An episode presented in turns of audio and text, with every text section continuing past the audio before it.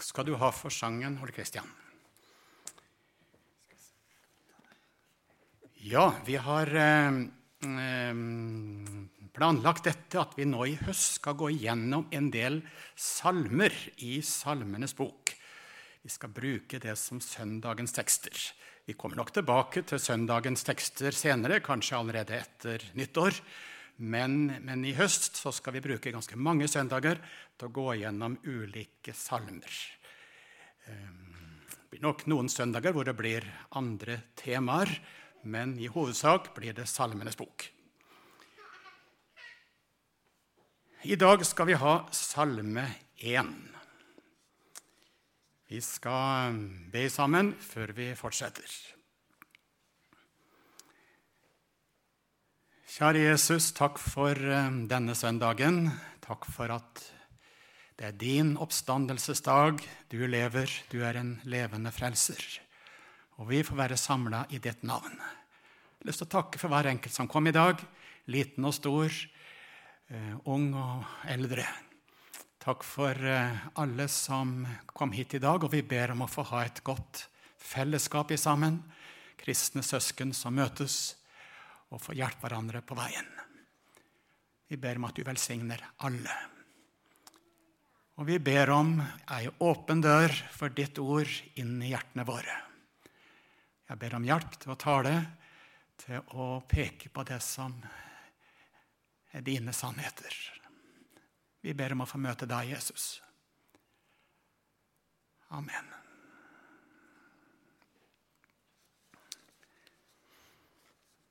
Salme 1 skal vi høre nå.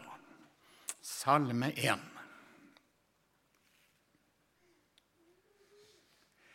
Vi har det der. Salig er den mann som ikke vandrer i ugudelige folks råd, og ikke står på synderes vei og ikke sitter i spotteres sete, men har sin lyst i Herrens lov og grunner på Hans lov dag og natt. Han skal være lik et tre, plantet ved rennende bekker. Det gir sin frukt i sin tid, og dets blad visner ikke. Alt det han gjør, skal han ha lykke til. Slik er det ikke med de ugudelige. De er lik agner som vinden blåser bort. Derfor skal de ugudelige ikke bli stående i dommen og syndere ikke i de rettferdiges menighet. For Herren kjenner de rettferdiges vei, men de ugudeliges vei fører til undergang. Amen. I Gamle testamentet, i den gamle pakt, blant Guds folk i Israel, så var jo eh, Salmenes bok ei salmebok, bønnebok, ble brukt i gudstjenesten, høytider osv. Og, og vi merker det også blant de første kristne. De bruker Salmenes bok på denne måten. Salmebok, bønnebok. Når det står om de første kristne at de holdt trolig fast ved bønnene, bønnene Apostlenes gjerninger 2,42, så var det jo bønnene ifra Salmenes bok som de ba i sammen, som de forkynte for hverandre.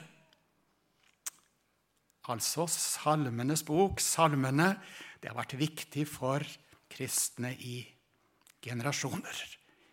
Langt tilbake. Vi skal tenke ja, det er ei viktig bok for oss i dag også. I Salmenes bok så ser du liksom hvordan en kristen har det i hjertet. Det er det en som har sagt. Du, du leser en kristen i sitt hjerte, i sitt indre.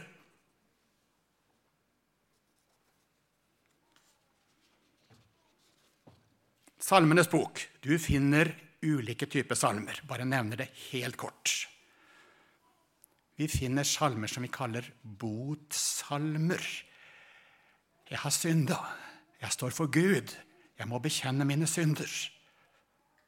Og så har vi synsbekjennelse gjennom en del av salmene. Andre salmer er mer takkesalmer og lovprisning. Alt det Gud har gitt meg, alt det Gud har gjort. Takk og lovprisning. Og så igjen så har du helt andre typer salmer hvor det er klaging. Hvor er du, Gud? Det er så mørkt. Det er så svart. Jeg har det så tungt. Jeg kjenner meg forlatt, glemt. Veldig fint å merke hele spekteret i Salmenes bok. Det skal få skildre ulike deler av hvordan en kristen har det. Så er det ikke noe av det som du opplever, som er fremmed for det som står i Salmenes bok. Men den første salma her den kan vel knapt kalles en bønn. Det, det var i hvert fall ikke formulert som en bønn. Vi kaller det her ei læresalme, ei visdomssalme, en undervisning. Det er nærmest som en innledning til hele Salmenes bok. Salmenes bok er jo inndelt faktisk i fem bøker.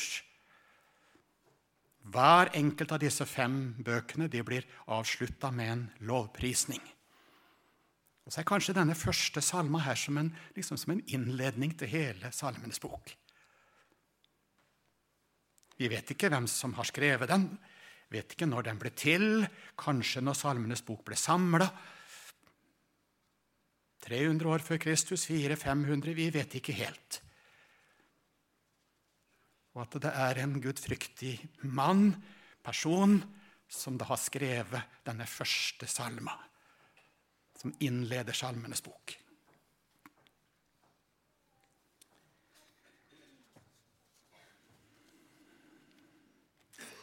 Her står det om de to veiene gjennom livet og inn i evigheten.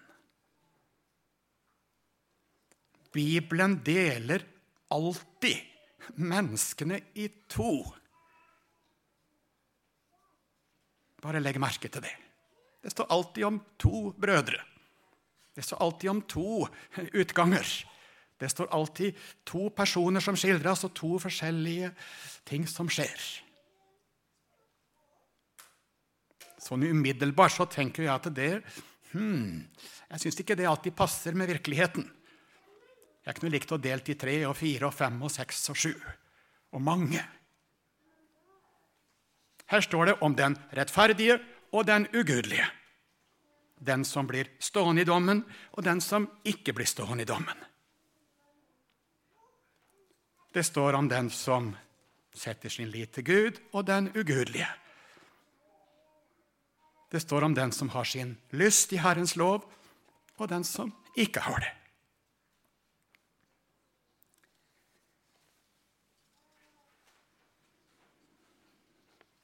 Ja, men det finnes jo mange ikke-kristne som bærer så mye godt med seg.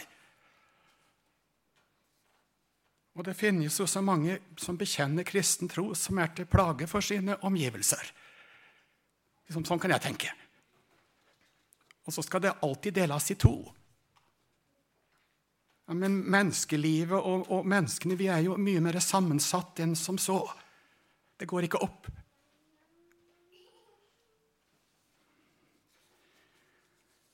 Og det vanskeligste når vi leser denne salma her, er jo dette Når jeg skal prøves på den, når du skal prøves på den, hvem av de to ligner du på?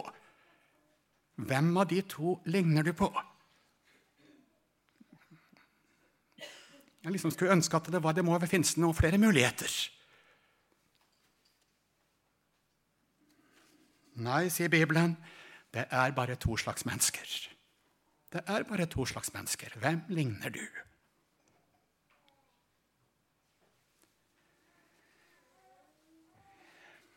Først så skildres den salige. Den salige.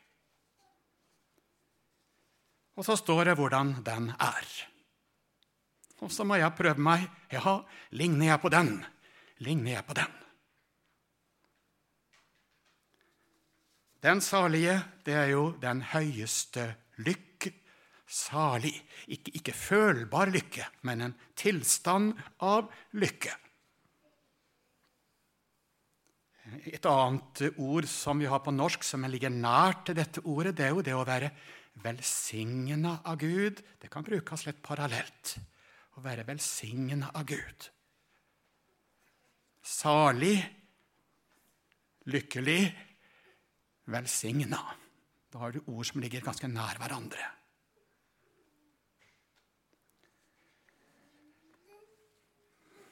Jeg tror kanskje ikke vi bruker det ordet så ofte lenger, å være salig. Men eh, litt lenger tilbake i tid så brukte en det mer. Han døde salig. Han døde salig i troen på Jesus. Salig. Hva kjennetegner den salige? Det gis to testspørsmål på det. Og så en frukt som den tredje, tredje konsekvens. Den salige kjennetegnes på to områder, står det her. Det ene er i forhold til dine synder. I forhold til dine synder. Og det testes på det andre punktet i forhold til Herrens lov. I forhold til Herrens lov. Hva slags forhold har jeg til mine synder? Og hva slags forhold har jeg til Guds lov? Guds lov her det handler ikke om de ti bud smalt, men Herrens lov, Herrens undervisning, det som Gud har gitt. Så langt for Guds folk. Hvor det er både tale om, om dom og nåde og tilgivelse. Men alt det Gud har åpenbart. Lyst i Herrens lov.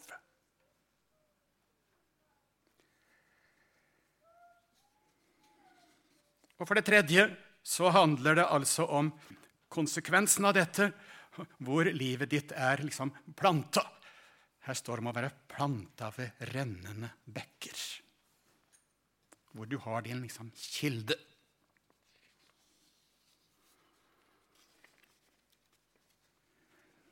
Og så skal altså du prøve deg. Jeg skal prøve meg. Det første er altså en menneske som kalles salig. Det testes i forhold til ditt forhold til synd. Her står det den som ikke vandrer i ugudelighets råd, ikke står eller går på synderes vei, og ikke sitter i spotteres sete. Den salige gjør ikke det. Det er et totalt brudd med dette.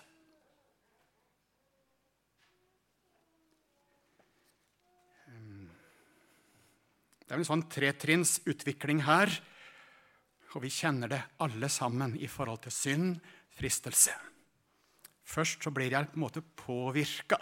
Jeg lytter, jeg blir påvirka av ting jeg hører, ting jeg ser. Jeg, på, jeg, får, jeg tar råd. Råd fra noe som, som, som er rundt meg, og som, og som, påvirker meg. Og her står det 'den som ikke vandrer i ugudeliges råd'. Jeg tar ikke inn de råda, den påvirkningen, som former meg negativt som drar meg bort ifra Gud, som, som krenker andre mennesker, som lokker til synd, som eh, bryter med Guds vilje.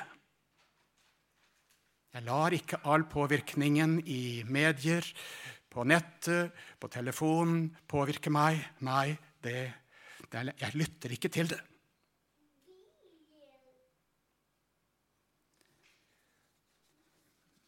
Og det andre ikke går på synderes vei. Det handler jo om at du ikke bare blir påvirka, men, men, du gjør ting. Du handler, du sier, du utfører, du gjør konkrete ting. Du blir påvirka, så handler du med ord, tale, gjerninger. Og det tredje det er jo dette du sitter i spotteres sete. Da har synda fått sånn makt at du liksom du, du sitter der, du sitter fast. Du ble påvirka, du begynte å følge ting, og så, og så sitter du helt fast. Men sånn er det ikke med den salige. Sånn er det ikke med den salige. Han tar ikke imot den påvirkningen der, følger ikke synderes vei, og han blir ikke sittende fast i, i synd.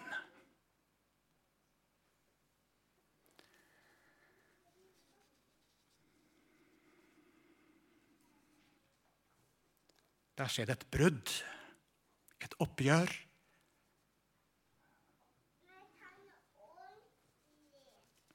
Og positivt på andre sida den salige kjennetegnes av sitt forhold til Herrens lov. Herrens lov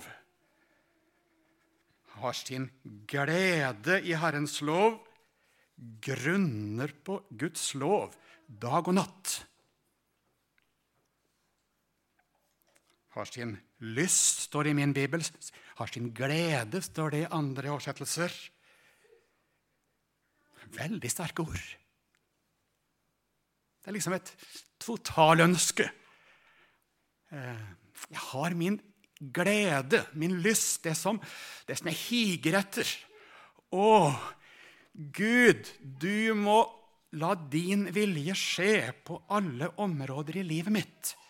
Jeg vil at hjemmet mitt, jeg vil at handlingene mine, jeg vil at tjenesten min At du skal få styre det. At ditt ord, din lov, din gode vilje skal få prege det. Sånn tenker den salige. Sånn tenker den salige. Det er det jeg higer etter. Det er det jeg lengter etter. Det er det jeg ønsker med hele meg. Gud, du skal få prege alle delene av livet mitt. Og jeg vil, at, jeg vil, at, du skal komme med din lov, og jeg gleder meg når jeg, når jeg ser hva som du sier.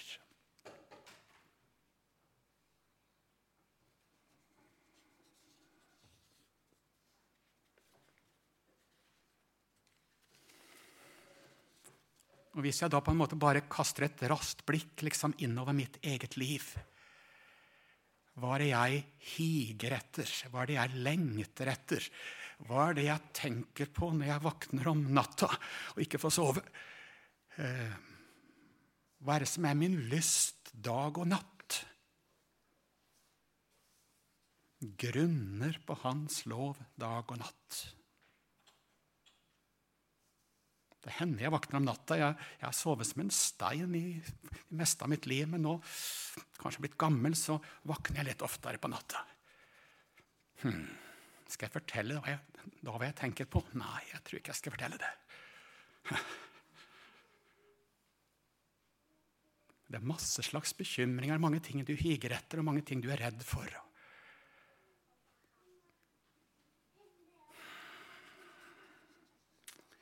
Men så står det så mye fint om det her samme mennesket. Det, det, det, står så mye fint om dette mennesket, det er de salige. Planta ved rennende bekker. Planta ved rennende bekker. Det bærer så mye gode frukter. Det var denne som hadde sin lyst i Herrens lov. Det var denne som hadde brutt med synden. Og så står det planta ved rennende bekker. Det renner inn liksom strømmer av liv. Og så bærer det frukt. Så bærer det frukt. Så bærer det velsignelse med seg. Og så står det alt han gjør, skal han ha lykke til. Alt han gjør, skal lykkes. Det var ikke noe lite heller. Er det en slags herlighetsteologi her at for en kristen så blir det bare gode dager, bare framgang på alle livets områder? Er det det som ligger i det? Nei. Men, men alt det du gjør, er det en Guds velsignelse over.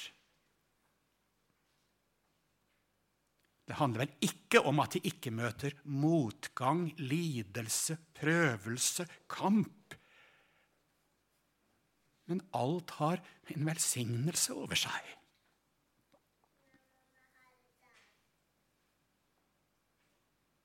Ligner du på den salige? Ligner du på den salige? Det skal vi prøve oss på.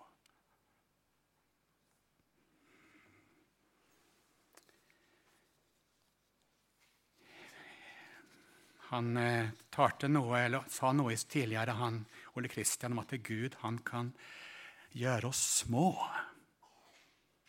Jeg tror kanskje noen av oss blir små i møte med dette ordet her.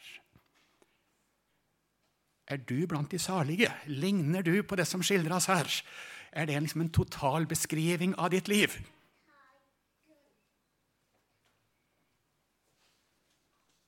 Og så kommer skildringen av de andre, de ugudelige, de lovløse.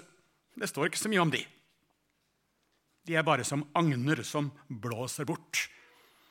Det er liksom ikke noe tyngde i deres liv. Det er ingen tyngde.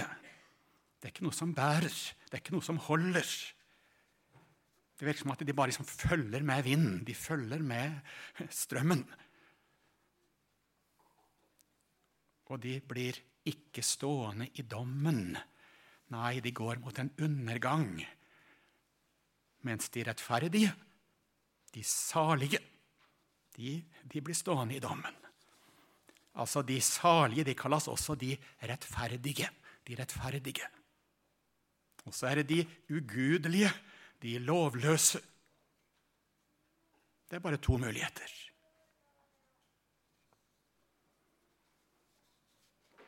Og Det må vel forstås slik at det står om de ugudelige, de lovløse. Da er, det, da er det motsatte av det første. Det står om at de ikke vandrer i ugudeliges råd. Jo, det er disse som vandrer i de ugudeliges råd. Det er de som går på synderes vei. Det er de som sitter i spotteresetet. Det er de som lar seg fylle og påvirke av alle strømninger Alt det jeg leser, alt jeg hører, det, hører, det, det fyller hjertet mitt. Jeg gjør konkrete synder som jeg fristes til, og etter hvert så sitter jeg helt fast i, i synda. Det er de ugudelige.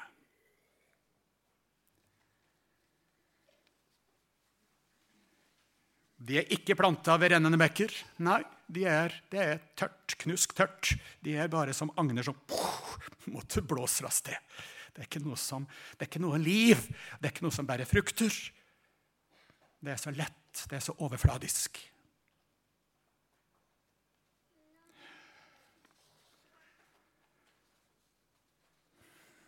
Hvem er du? Hvor er du? Det finnes bare to muligheter. Hvem er du? Hvor er du? Det finnes bare to muligheter.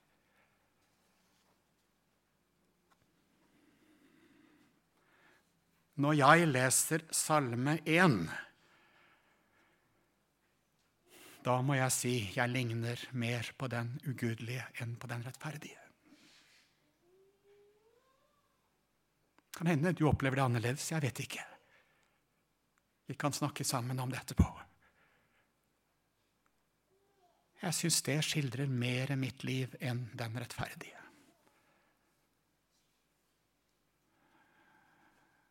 Jeg lever veldig sterkt i, på i påvirkning av alle strømninger som jeg er innom. Eh, jeg har ikke noe, noe, noe veldig finmaska filter alltid mot påvirkning. Det strømmer inn i hjerte og tanker og sinn. Og sannelig så, så gjør jeg konkrete synder. Og sannelig så kan jeg også kjenne på at jeg sitter ganske fast i konkrete ting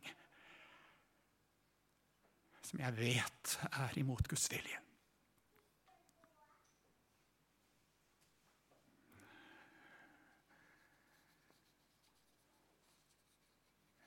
Og dagliglivet mitt bekrefter ikke, i hvert fall ikke sånn som jeg sjøl opplever det, at jeg grunner på Hans lov dag og natt. Jeg lyver hvis jeg sier at ja, det, sånn har jeg det. Jeg grunner på Hans lov dag og natt. Jeg, jeg opplever at jeg lyver hvis jeg sier det.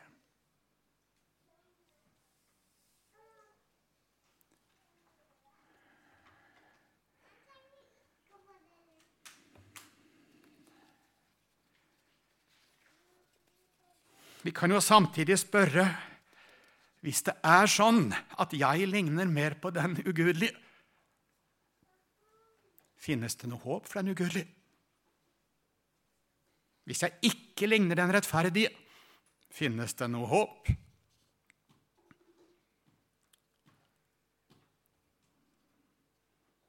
Kanskje det var en annen måte å bli frelst på i Det gamle testamentet. Dette er jo i Salmenes bok. Da var det noen som på en måte var rettferdige. Og det var noen som levde så gudfryktig. De hadde jo ikke opplevd Jesus, og dette ennå, så det, de levde liksom i en annen måte å tenke på. Er det det som er svaret?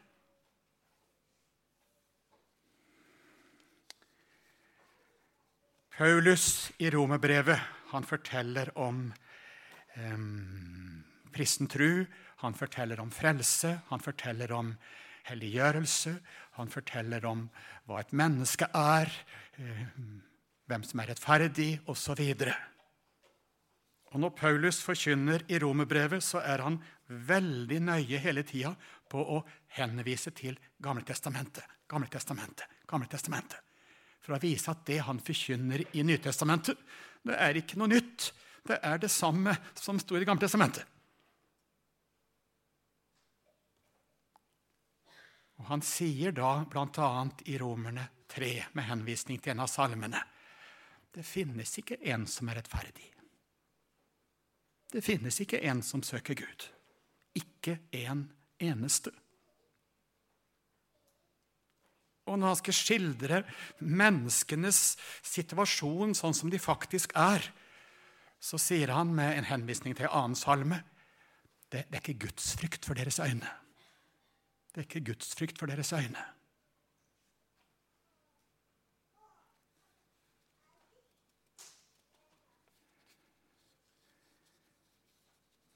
Så også Det gamle testamentet er jo like radikalt på den måten Mennesket er ikke rettferdig. Mennesket er ikke gudfryktig.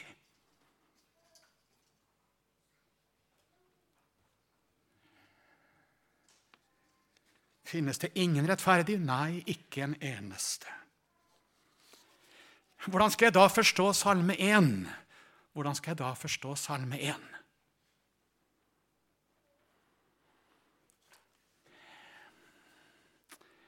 Jeg tenker det i hvert fall også det er viktig å lese Salme 1 i lys av evangeliet, i lys av Nytestamentet, i lys av hele Guds åpenbaring.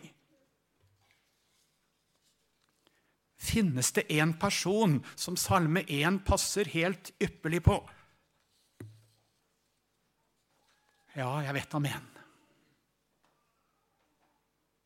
Jeg vet om en som, som Salme 1 passer helt ypperlig ypperlig på, som har sin lyst i Herrens lov og grunner på den dag og natt. Det er Jesus Kristus. Min lyst hadde jeg i din lov, står det om Jesus. Han har virkelig sin lyst i, i Guds lov. Det, det, var hans glede å gjøre Guds vilje fra hjertet.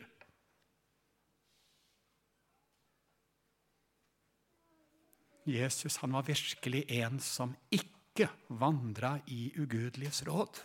Som ikke gikk på synderes vei. Som ikke satt i spotteres sete. Han var bare god.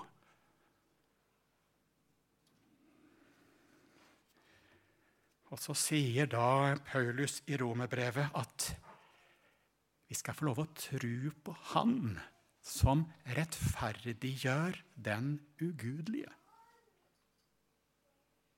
Vi skal få tro på Han som rettferdiggjør den ugudelige.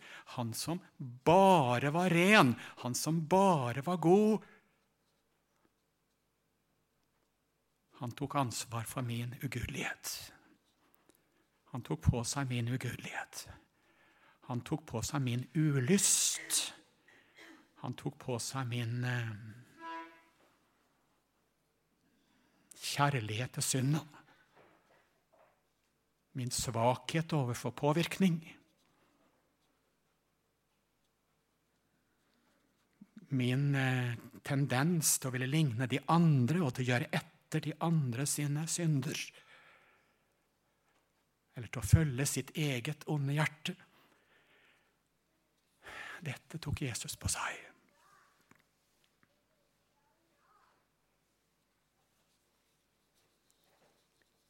Jesus han var virkelig planta ved rennende bekker. Det var bare gode frukter i hans liv, og alt han gjorde, det, det var under Guds velsignelse. Jeg kan ikke se det annerledes enn at det Salme 1 samtidig beskriver Jesus. Det er Jesus som er den ene rettferdige. Og uten han så blir vi ikke stående i dommen. Det er bare han som redder meg fra undergang. Det er bare han som gjør at jeg kan få lov å kalles en rettferdig. For da har jeg Jesu rettferdighet og ingen annen. Jeg har Jesu rettferdighet.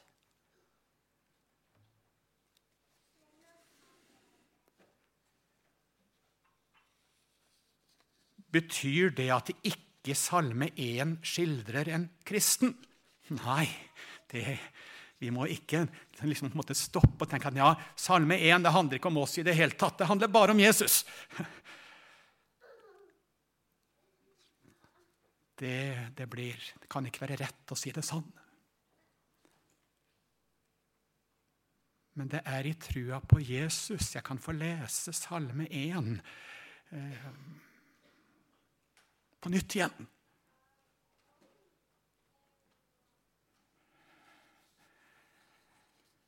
Jeg får lov ved trua på Jesus å være planta ved rennende bekker. Du, en synder, en ugudelig, som får tru på Jesus. Du får være et tre som er planta ved rennende bekker, for der renner det nåde, tilgivelse, kjærlighet ifra himmelen. Det renner nåde, tilgivelse, som en bekk som du får lov å være planta i, planta ved. Der skal du få ha liksom, røttene dine. I Jesus, i det rennende vannet. Det renner og renner og renner. Det flyter som en foss av nåde dyrtkjøpt nåde inn i hjertet ditt.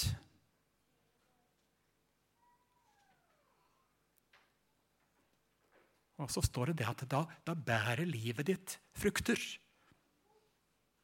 Da bærer livet ditt frukter.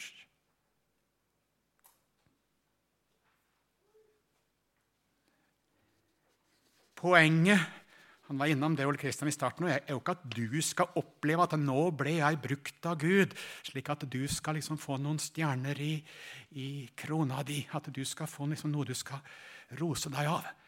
Men det er jo at andre merker at du er til velsignelse. Det var det som var poenget.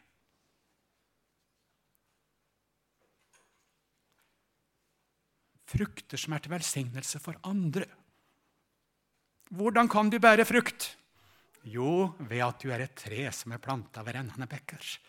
Hvor, hvor, er kilden din hen? Hvor, hvor, er livet hen? Hvor er redningen hen? Hvor er det du må være planta? Dag og natt. Nåde, nåde, nåde, nåde ifra Jesus. Det renner inn i livet ditt. Og så flyter det videre med frukter til andre mennesker. Og så får det konsekvenser i livet ditt i forholdet til dine synder.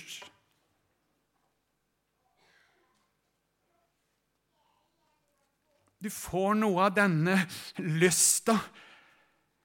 Jeg vil ikke vandre i ugudeliges råd.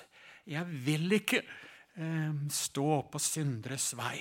Jeg vil ikke sitte i spotteres sete.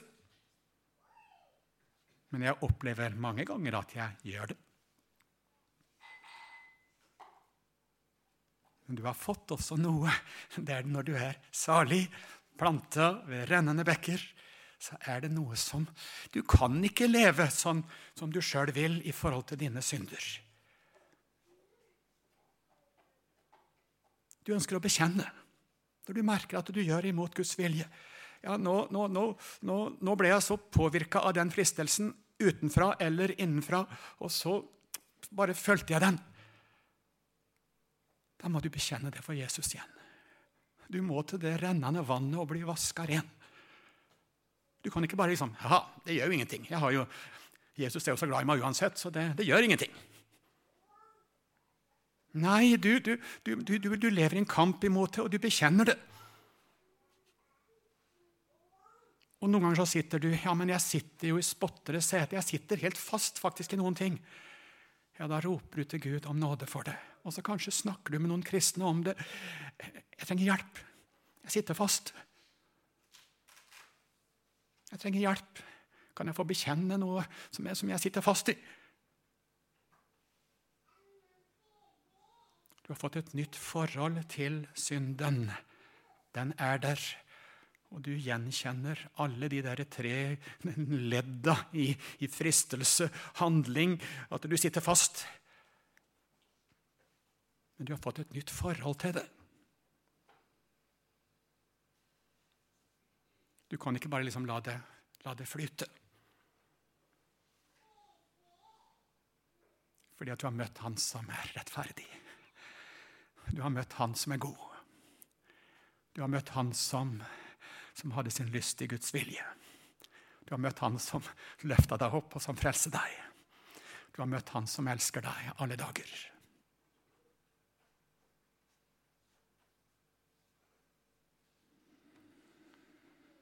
Du har møtt Han som er redningen din i dommen. Du har møtt Han som er livet. Og han er stor nok for alle som roper om frelse. Han, han, han, tar imot alle. Hver den som påkaller Herrens navn, skal bli frelst. Uansett hva en har på rota seg borti, hva en sitter fast i.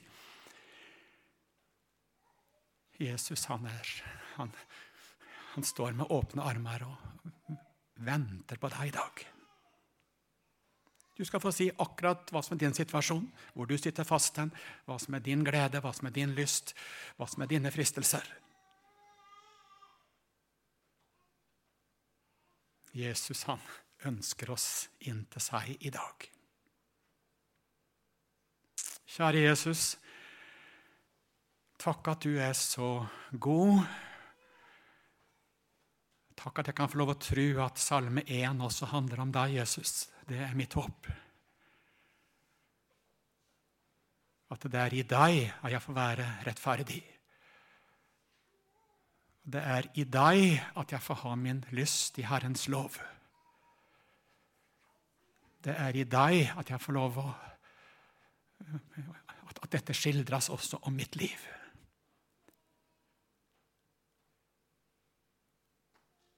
Vi takker og priser deg for eh, ditt ord og din sannhet. Og vi ber om å få ta det med oss videre i livet vårt. Amen.